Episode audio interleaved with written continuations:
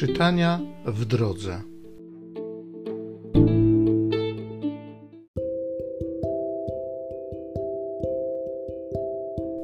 Z listu świętego Pawła apostoła do Galatów.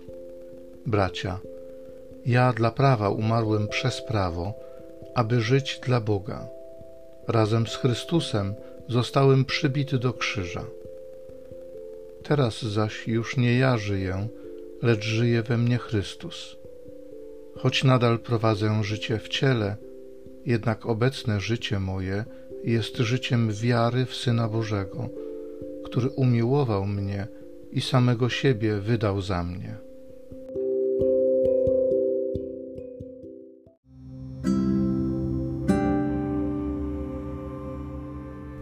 Z Psalmu 34 Po wieczne czasy będę chwalił Pana.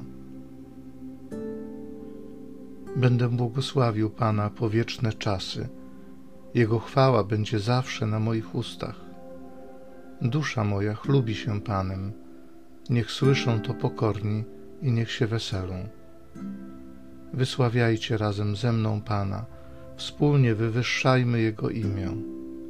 Szukałem pomocy u Pana, a On mnie wysłuchał i wyzwolił od wszelkiej trwogi. Spójrzcie na Niego, a rozpromienicie się radością. Oblicza wasze nie zapłoną wstydem.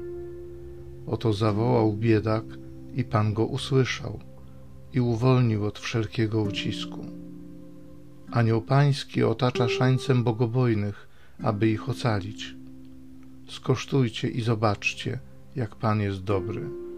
Szczęśliwy człowiek, który znajduje w nim ucieczkę. Bójcie się Pana, wszyscy Jego święci, gdyż bogobojni nie zaznają biedy. Bogacze zubożeli i zaznali głodu, szukającym Pana niczego nie zabraknie.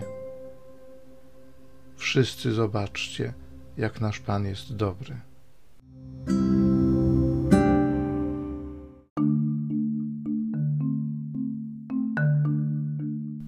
Trwajcie w miłości mojej. Kto trwa we mnie, a ja w nim, ten przynosi owoc obfity.